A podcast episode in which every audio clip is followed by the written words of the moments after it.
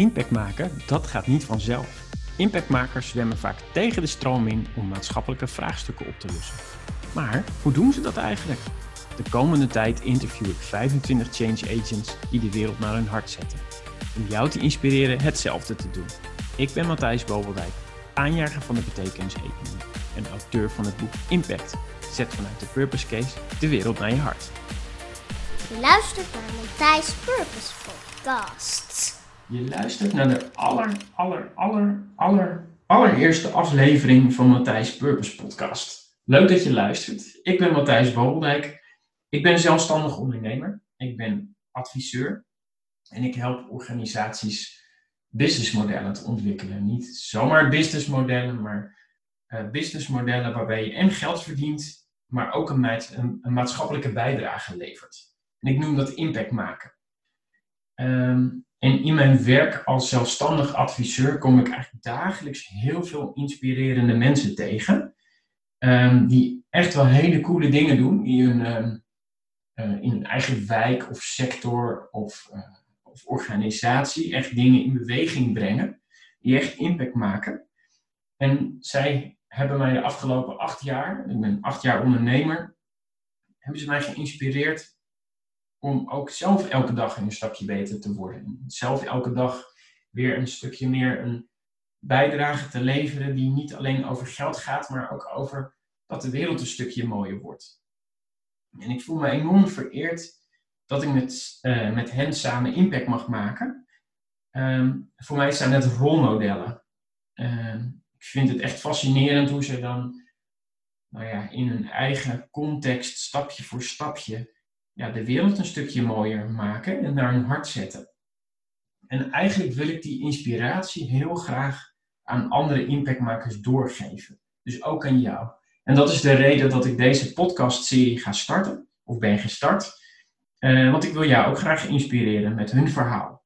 Tegelijkertijd wil ik hen ook een podium bieden, zodat zij, ook zij een, een uh, nou ja, aan meer mensen hun verhaal kunnen uh, vertellen. Dus ik ga de komende tijd, om te beginnen, 25 change agents interviewen.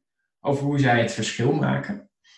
Um, en waar ik dan vooral op ga letten of naar ga vragen, is hoe zij zaken opstarten, maar ook hoe ze versnellen.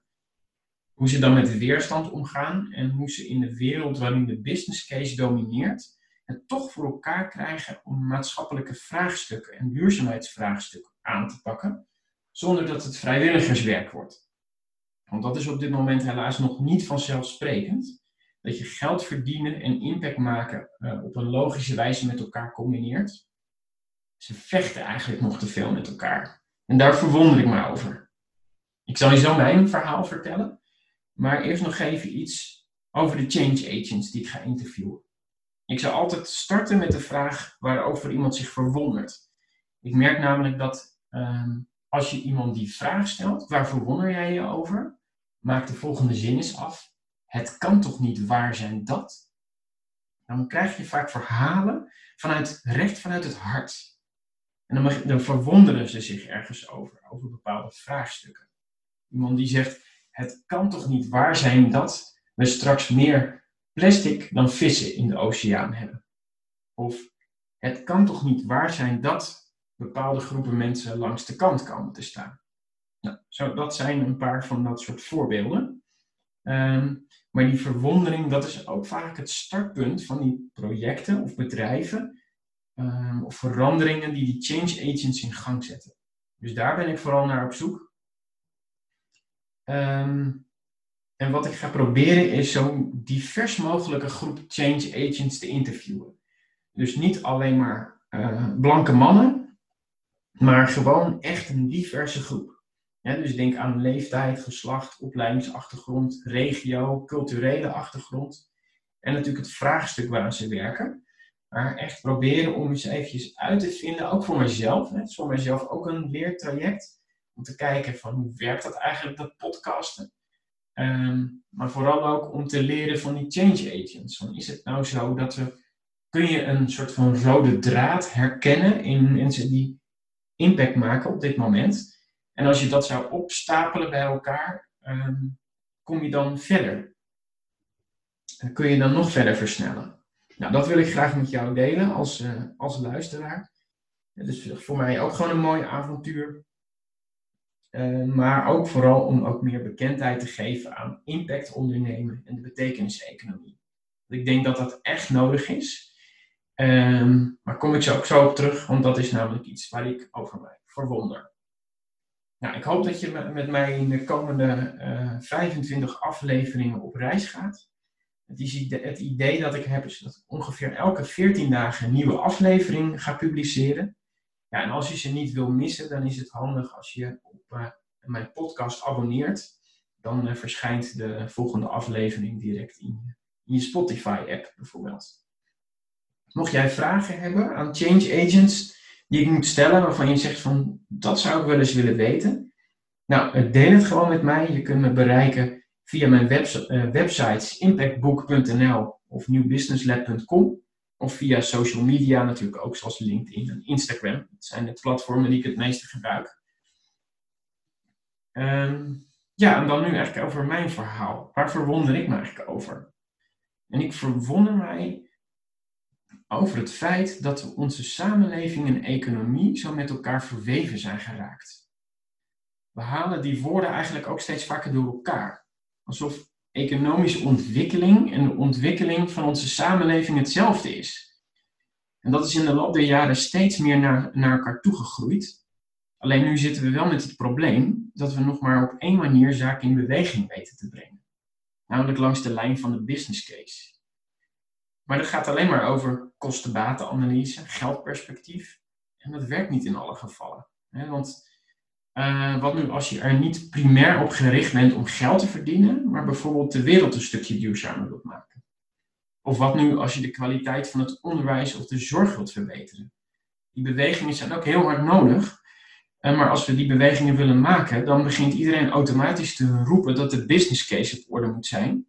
En dat de betaalbaarheid in gevaar komt als we extra dingen moeten gaan doen. Of dat het alleen kan als we op zoek gaan naar nieuwe verdienmodellen.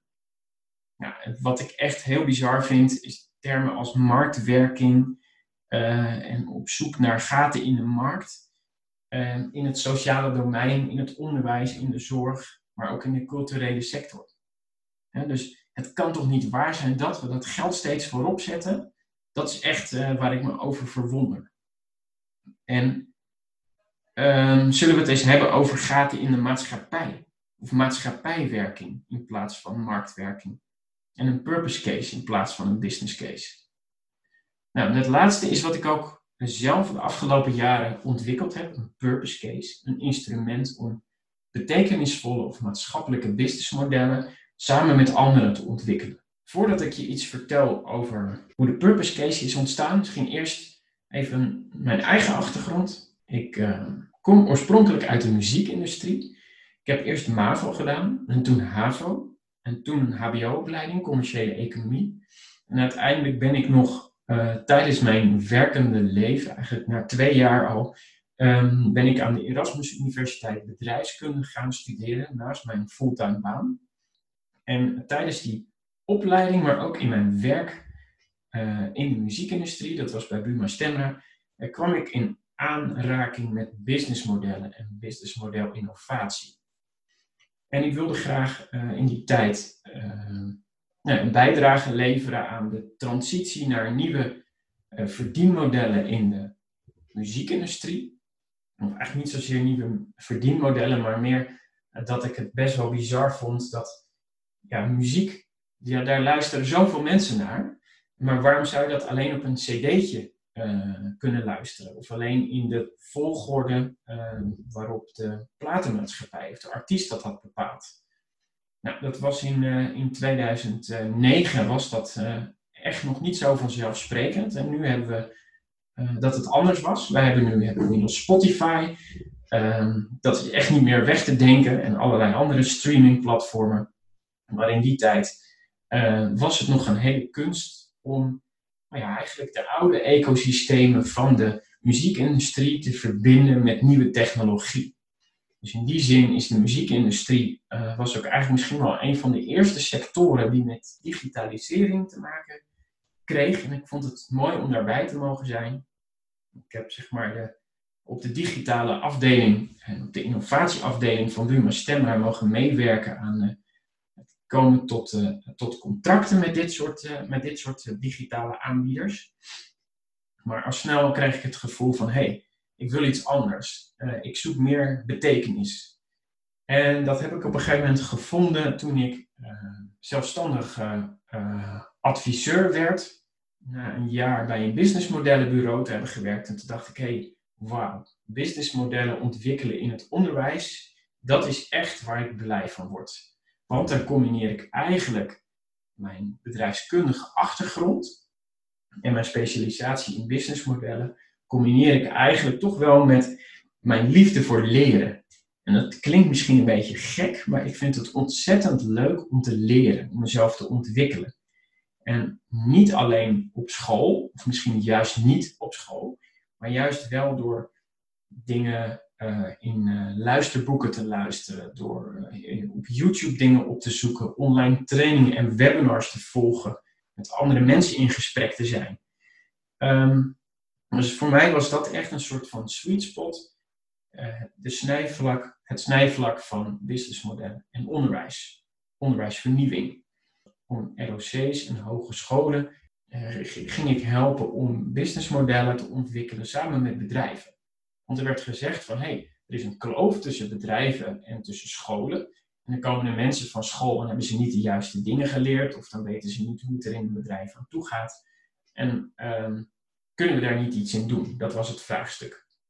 Toen zijn we eigenlijk langs de lijn van businessmodellen, um, zijn we eigenlijk samenwerkingsbusinessmodellen gaan maken. Waarbij en een school en een bedrijf eigenlijk de koppen bij elkaar steekt en zegt van het kan toch niet waar zijn dat, uh, dat er een groot verschil zit tussen wat je op school leert en wat er in de praktijk gebeurt. Dan gaan we dat met elkaar verbinden. Dus we gingen steeds meer scholen en bedrijven samenwerken, regionaal. En ik werd uh, als ondernemer steeds beter gevonden om, om daarbij te helpen in workshops. En dan maken we gebruik van het Business Model Canvas. En het Business Model Canvas is ontwikkeld door de Zwitserse wetenschapper Alexander Osterwalder. En dan kan je eigenlijk op één A4'tje, of dat kun je natuurlijk ook opblazen, dat het een groter vel wordt, kun je negen vakjes uh, kun je post-its plakken. En um, dat boek waar dat model uitkomt, dat is in 2009 verschenen. En daar hebben onwijs veel organisaties en mensen meegewerkt om eigenlijk een businessmodel scherp te krijgen. Nou, waar gaat een businessmodel over? Het gaat over hoe je zelf waarde creëert uh, voor een ander, maar ook hoe je daar dan geld mee verdient, wat je daarvoor nodig hebt. Nou, er zijn negen bedrijfskundige thema's. Uh, bouwstenen noemt Osterwalder ze. Um, daar moet je over nadenken. En als je dat met elkaar doet, in een sessie ontstaat er een soort gemeenschappelijke taal. En, en dat is handig, want als je met elkaar gaat brainstormen, dan heeft er vaak één iemand iets in zijn hoofd zitten. En dat gaat hij dan proberen over te brengen, um, zoals in deze podcast ook. Um, en podcasts zijn aan de ene kant fijn omdat je er lekker naar kunt luisteren. dus ik weet niet wat jij nu aan het doen bent als je hier naar luistert, maar je kunt in ieder geval, je hebt niet de beelden erbij. En dat visuele werken met dat Business Model Canvas, dat, dat hielp enorm, of dat helpt enorm, om uh, met elkaar in beeld te brengen, of over te hebben, wat je nou precies bedoelt. En er waren dus negen bouwstenen. Nou, daar hebben we ontzettend veel mee gewerkt. Maar ik kwam er steeds meer uh, achter dat we eigenlijk aan het proberen waren om iets ronds door een, een vierkant gat te krijgen. dus het paste niet helemaal op het moment dat je eigenlijk in een context zit waarbij het niet alleen maar over geld verdienen gaat. Dus in een context van een school, ja, een school krijgt wel financiering van het ministerie, maar dat is natuurlijk niet de primaire doelstelling van een school, om zoveel mogelijk financiering op te halen. De primaire doelstelling van een school, uh, denk ik, of in ieder geval dat zou het moeten zijn, is dat je die leerlingen helpt in hun eigen ontwikkelproces. Dat je ze eigenlijk klaarmaakt, klaarstoomt voor de arbeidsmarkt of voor een vervolgopleiding. Um, en dat sluit je dan af met een diploma om te bewijzen uh, dat je dat traject doorlopen hebt. Maar het gevaar is dat als je te veel vanuit business cases of businessmodellen gaat redeneren, waarin de kosten-batenanalyse zo nadrukkelijk aanwezig is, dat je dus scholen krijgt die ehm, zich gaan gedragen als fabrieken. Fabrieken met een soort lopende, lopende band. dat is uh, het onderwijs, het curriculum. En je moet van jaar 1 naar jaar 4 of korter of langer. Uh, en je komt langs allerlei plekjes op die lopende band. Um, daar moet je voor oppassen, denk ik, dat het eh, zo gaat werken. En dat het startpunt en het eindpunt van die lopende band, dat die ook een beetje losraken van waar de leerling vandaan komt en naartoe gaat. En dan ontstaan er namelijk kloven. Kloven tussen wat er in de school gebeurt en wat daar buiten gebeurt. Nou, dan is dat uh, uh, het maken van zo'n businessmodel daar liepen we dus steeds meer vast van ja, maar het gaat ons niet op, om het optimaliseren van de geldstroom alleen. Het gaat juist ook over dat we mensen helpen om zich goed voor te bereiden op, uh, op die stap in de samenleving. En eigenlijk is dat dus een impact tool. En zo kwam ik sessie voor sessie voor sessie, werden er een aantal dingen eh, steeds duidelijker dat ik dacht van hé, hey, maar dat gaat niet zo. En als we in werkvorm iets willen doen, dan werkt dat business model Canvas heel goed voor ondernemers. Maar op het moment dat je het hebt over samenwerkingsbusinessmodellen, waarbij het niet primair gaat om geld verdienen, dan past het niet helemaal meer. En je kunt het er wel voor gebruiken, maar het is nog niet helemaal geoptimaliseerd. En zo ben ik op een ochtend wakker geworden met het idee om een purpose case te ontwikkelen als tegenhanger van de business case. En ehm, in die purpose case heb ik het over elf puzzelstukken. Omdat ik denk dat als je gaat samenwerken, dan ehm, moet je eigenlijk met elkaar gaan puzzelen. Dus als je met elkaar een businessmodel gaat invullen, ehm, dan zit je al snel met het vraagstuk wie is de klant en wie is de leverancier. Maar als je samen impact wil maken, dan gaat dat voor mij ook over gelijkwaardigheid tussen verschillende organisaties. Dus als je als school en bedrijf gaat samenwerken, dan is niet de school de leverancier van de leerlingen of het bedrijf de leverancier uh, van stageplekken. Nee, je hebt een gemeenschappelijk startpunt. Je wil samen dat in de regio mensen goed opgeleid worden, maar dat er ook voldoende uh, mensen van school komen, waardoor de bedrijven in de regio ook zich kunnen blijven doorontwikkelen. Um, dus ja, dat is anders.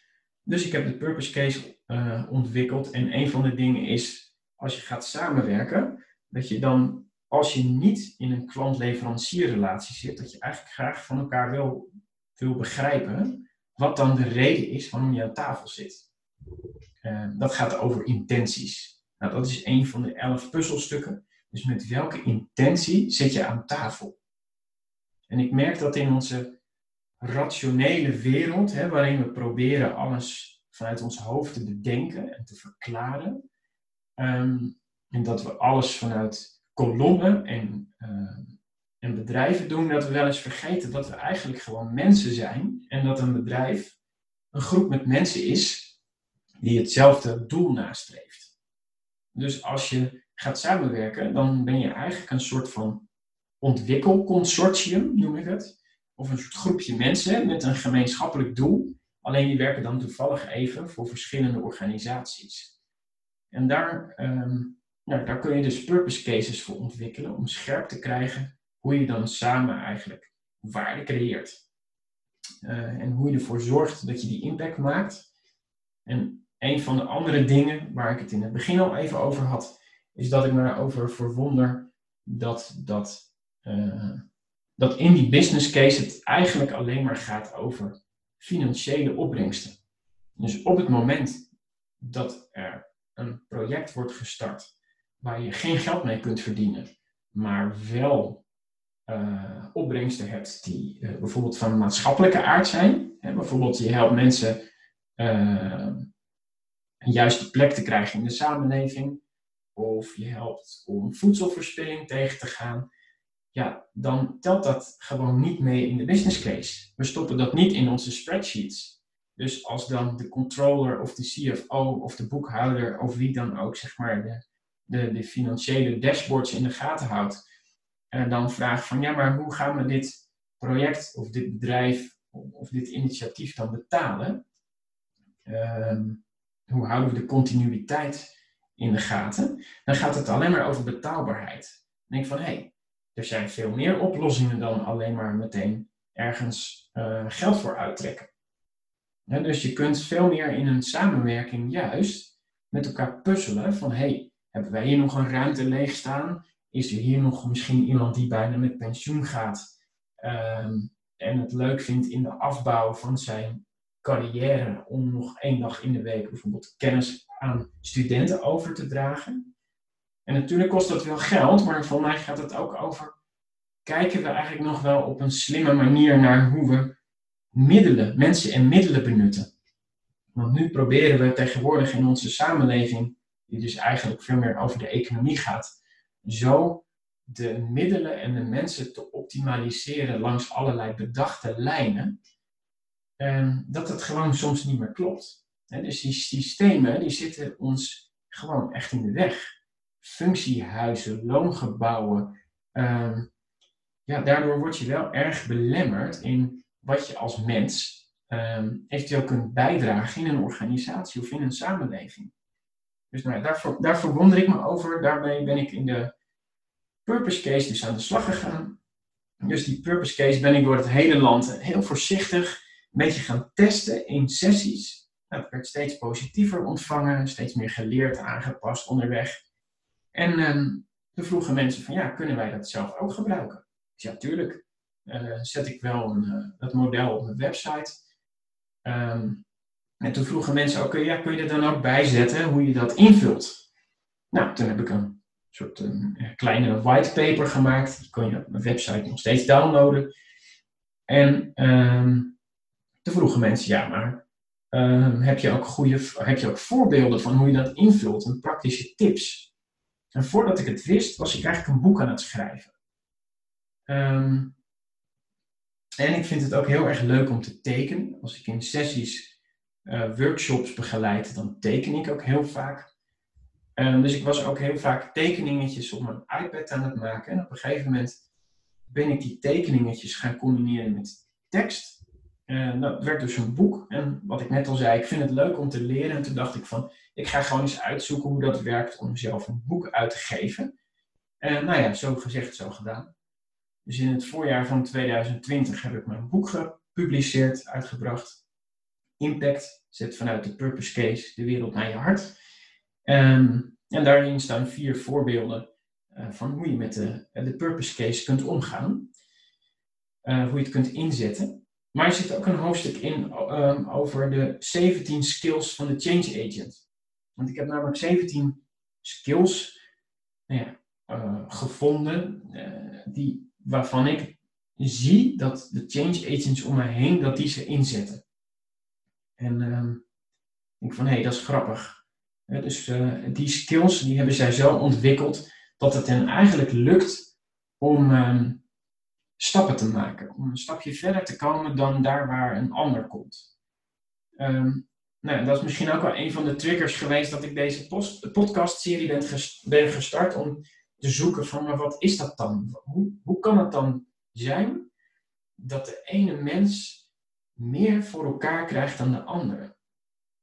En een van de dingen die me daarin opvalt is dat change agents uh, twee dingen heel goed kunnen, eigenlijk twee spelletjes heel goed kunnen spelen. Dat is het interne spelletje en het externe spelletje. En wat bedoel ik met het interne spelletje? Uh, ze hebben eigenlijk iets gevonden wat ze leuk vinden en wat ze betekenis geeft, uh, wat ze goed kunnen. Dus ze hebben eigenlijk, uh, zijn ze in hun eigen ontwikkeling op een punt gekomen dat ze dus iets doen waar ze blij van worden en waarin ze dus uh, het verschil kunnen maken. En als je die sweet spot hebt gevonden, daar had ik het zelf, bij mezelf ook al even over eerder, ja, dan, dan lijkt het of alles in een stroomversnelling komt. Want dan is alles wat je doet is eigenlijk per definitie leuk. dat kan soms ook lastig zijn, maar dat is weer het andere interne. Dat heeft ook met dat interne spelletje te maken. Van hoe zet je ook bij jezelf af en toe even de rem erop. Maar ik denk dat dat interne spelletje van voor jezelf uitvinden van waar ben ik nou goed in, uh, waar krijg ik energie van, uh, is er voor mij betekenis in wat ik doe. Als je dat in de gaten hebt, en dat hebben dus de meeste change agents die ik zie en spreek, dan heb je daarna nog het tweede spelletje, zeg maar de externe kant. En is dat ze vaak ook wel heel goed begrijpen hoe de hazen lopen. Of hoe ze dingen aan moeten pakken. En dus ze snappen in de structuur van een bedrijf of in de structuur van een regio, of hoe de politiek werkt, um, hoe het met verdienmodellen zit. Hoe meer je dat spelletje eigenlijk snapt, uh, hoe makkelijker dat gaat. Uh, en wat ik bij anderen merk, die dan misschien minder ver komen dan die change agents, is dat die heel vaak het op de inhoud zoeken. dus bijvoorbeeld uh, iemand die iets wil, teweeg wil brengen rondom duurzaamheid. Uh, dan kun je heel erg gaan verdiepen aan de inhoudelijke kant in hoe je duurzamer wordt of hoe het zit met zonnepanelen, uh, ik maar wat. Uh, dat, is, dat is een inhoudelijk thema. En natuurlijk moet je daar van alles en nog wat van weten. Je moet ook inhoudelijk snappen hoe, hoe, businessmodellen werken. Of hoe de, hoe de zorg of het onderwijs in, in elkaar zit, maar dat is vaak niet waar het alleen om gaat. Die change agents hebben vaak juist die context heel scherp. En die weten ook hoe ze zich moeten bewegen. Dus de optelsom van dat ze zeg maar, voor zichzelf betekenis hebben gevonden en dat ze snappen hoe het spelletje buiten uh, werkt, dat zorgt er eigenlijk voor dat, je, uh, dat ze hun handen vrij hebben om, uh, om impact te gaan maken. En nu ben ik eigenlijk op zoek naar hoe we dat nieuwe spelletje kunnen spelen. En misschien klinkt dat wat flauw, een spelletje spelen, maar um, voor mij gaat het over impact ondernemen. Dus ondernemerschap, dan hebben we vaak het idee van oké, uh, als we van A naar B moeten, dan is A waar we nu staan, is B is iets met heel veel rijkdom, en vaak in financiën uitgedrukt of uh, in, in materialen, middelen, materie uitgedrukt. En ik denk van, hé, hey, zou het ook, hoe krijg je die uh, beweging erin als het dan niet alleen maar over geld gaat? Hè? Dus als de stip op de horizon niet een fantastische business case is, maar als die stip op de horizon juist een mooie, duurzame, inclusieve wereld is. En ja, dat heb ik geprobeerd in mijn boek zo goed mogelijk vast te leggen. En ook met de purpose case van kunnen we, van wat ik nu heb geleerd van anderen en ook zelf heb geleerd, kunnen we een soort proces inrichten dat we, uh, dat we niet, ons niet richten alleen op dus die financiële schietschijf, maar ook op die impact schietschijf. Um, en dat ben ik nu aan het verkennen. Dan ben ik verder aan het ontrafelen, ook met deze uh, podcast, van hoe werkt dat dan? Hoe ga je dan van A naar die impactvolle B? Um, nou ja, en dat hoop ik dus ook in deze interviews met die change agents nog verder naar boven te halen. Krijgen we nou steeds scherper um, hoe je nou impact hoe je nu kunt impact ondernemen. Um, en wat ik in ieder geval zelf al heb geleerd, is dat we eigenlijk aan het pionieren zijn in de betekeniseconomie. En de betekeniseconomie zijn er een aantal boeken over geschreven, onder andere door Kees Klomp en een aantal andere auteurs in Nederland. Uh, maar ook door Erwin Hurst, een Amerikaan, die heeft het boek geschreven uh, Purpose Economy. En uh, wat, je, wat je over de betekeniseconomie zou kunnen zeggen, tenminste dat zegt Kees Klomp, die zegt we zijn op zoek naar een gat in de maatschappij en niet een gat in de markt. En waar ik steeds meer achter kom is dat de weg van de traditionele economie, dat is een soort snelweg, daar weten we precies wat we moeten doen. Maar in die betekenis-economie hebben we nog een heleboel hazenpaadjes die we aan het verkennen zijn. En een van die hazenpaadjes is bijvoorbeeld balanceren tussen de as van korte termijn perspectief en langere termijn perspectief. Want over het algemeen is het in onze economie zo, en ook in onze samenleving helaas, dat vaak het korte termijn perspectief domineert. Dus we zijn veel meer geïnteresseerd in de omzet van vandaag of van morgen, of de economische groei van dit jaar of volgend jaar, dan dat we geïnteresseerd zijn in een samenleving die voor de komende 20, 30 jaar werkt voor iedereen. Dus we gaan van regeerperiode naar uh, boekjaar. Dat zijn ongeveer de horizonnen. En ik denk, kunnen we dat perspectief niet wat oprekken? Als je wil naar een inclusieve, duurzame samenleving, dan moet je echt nadenken over de langere termijn interventies die je moet doen. En welke beelden je daar vervolgens ook bij hebt. En dus dat is een van je hazenpaadjes. En een van die andere hazenpaadjes is, waar ik het net al even over had, ja, die uh, opbrengsten, dat die niet alleen financieel zijn, maar ook niet financieel. En de oplossing uh, in de purpose case is nu dat we een lijstje maken met alle verschillende mensen die de samenwerking mee willen doen. Um, waarbij we zeggen, dit zijn de opbrengsten in financiële zin. Hè, dus uh, dit hebben we verdiend of dit hebben we bespaard, maar juist ook in niet-financiële zin. dit levert de maatschappij deze samenwerking op dit levert het onderwijs of de zorg of de bedrijven uh, of de mensen levert het wat op. Dus nou daar, daar zijn we nog niet, maar nou, interessant om dus juist in die gesprekken met die change agents te verkennen hoe zij daarmee omgaan. Uh, want zij hebben namelijk ook gewoon te dealen met het feit dat zij nog in die traditionele economie met beide benen eigenlijk misschien wel staan, vaak. En dat er gewoon brood op de plank moet komen. Dus wat ik daarin zelf heb geleerd is dat ik continu aan het combineren ben. Als ondernemer doe ik dingen die geld opleveren, want er moet nu eenmaal brood op de plank komen, moet je hypotheek betalen, ehm, eh, dat soort dingen. Maar je hebt ook impactprojecten. En die ben ik daarnaast aan het opstarten. Dus daar is uh, deze podcast is daar één van.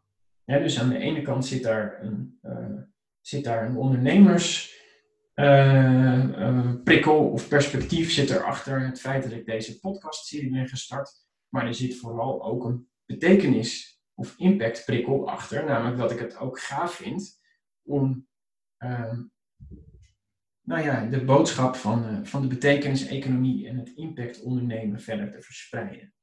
Dat was alweer de allereerste aflevering van Matthijs Purpose Podcast. Bedankt voor het luisteren. Ik hoop dat ik je met deze podcastaflevering geïnspireerd heb. Laat vooral even een reactie op de plek achter waar je deze podcast gevonden hebt. Ook leuk als je deze aflevering deelt en anderen hierop attent maakt. Wil jij de volgende afleveringen niet missen? Klik dan op abonneren of volgen. Wil je met mij in contact komen? Dat kan. Benader me dan via LinkedIn of kijk op impact-boek.nl. Voor nu wens ik je veel impactplezier toe.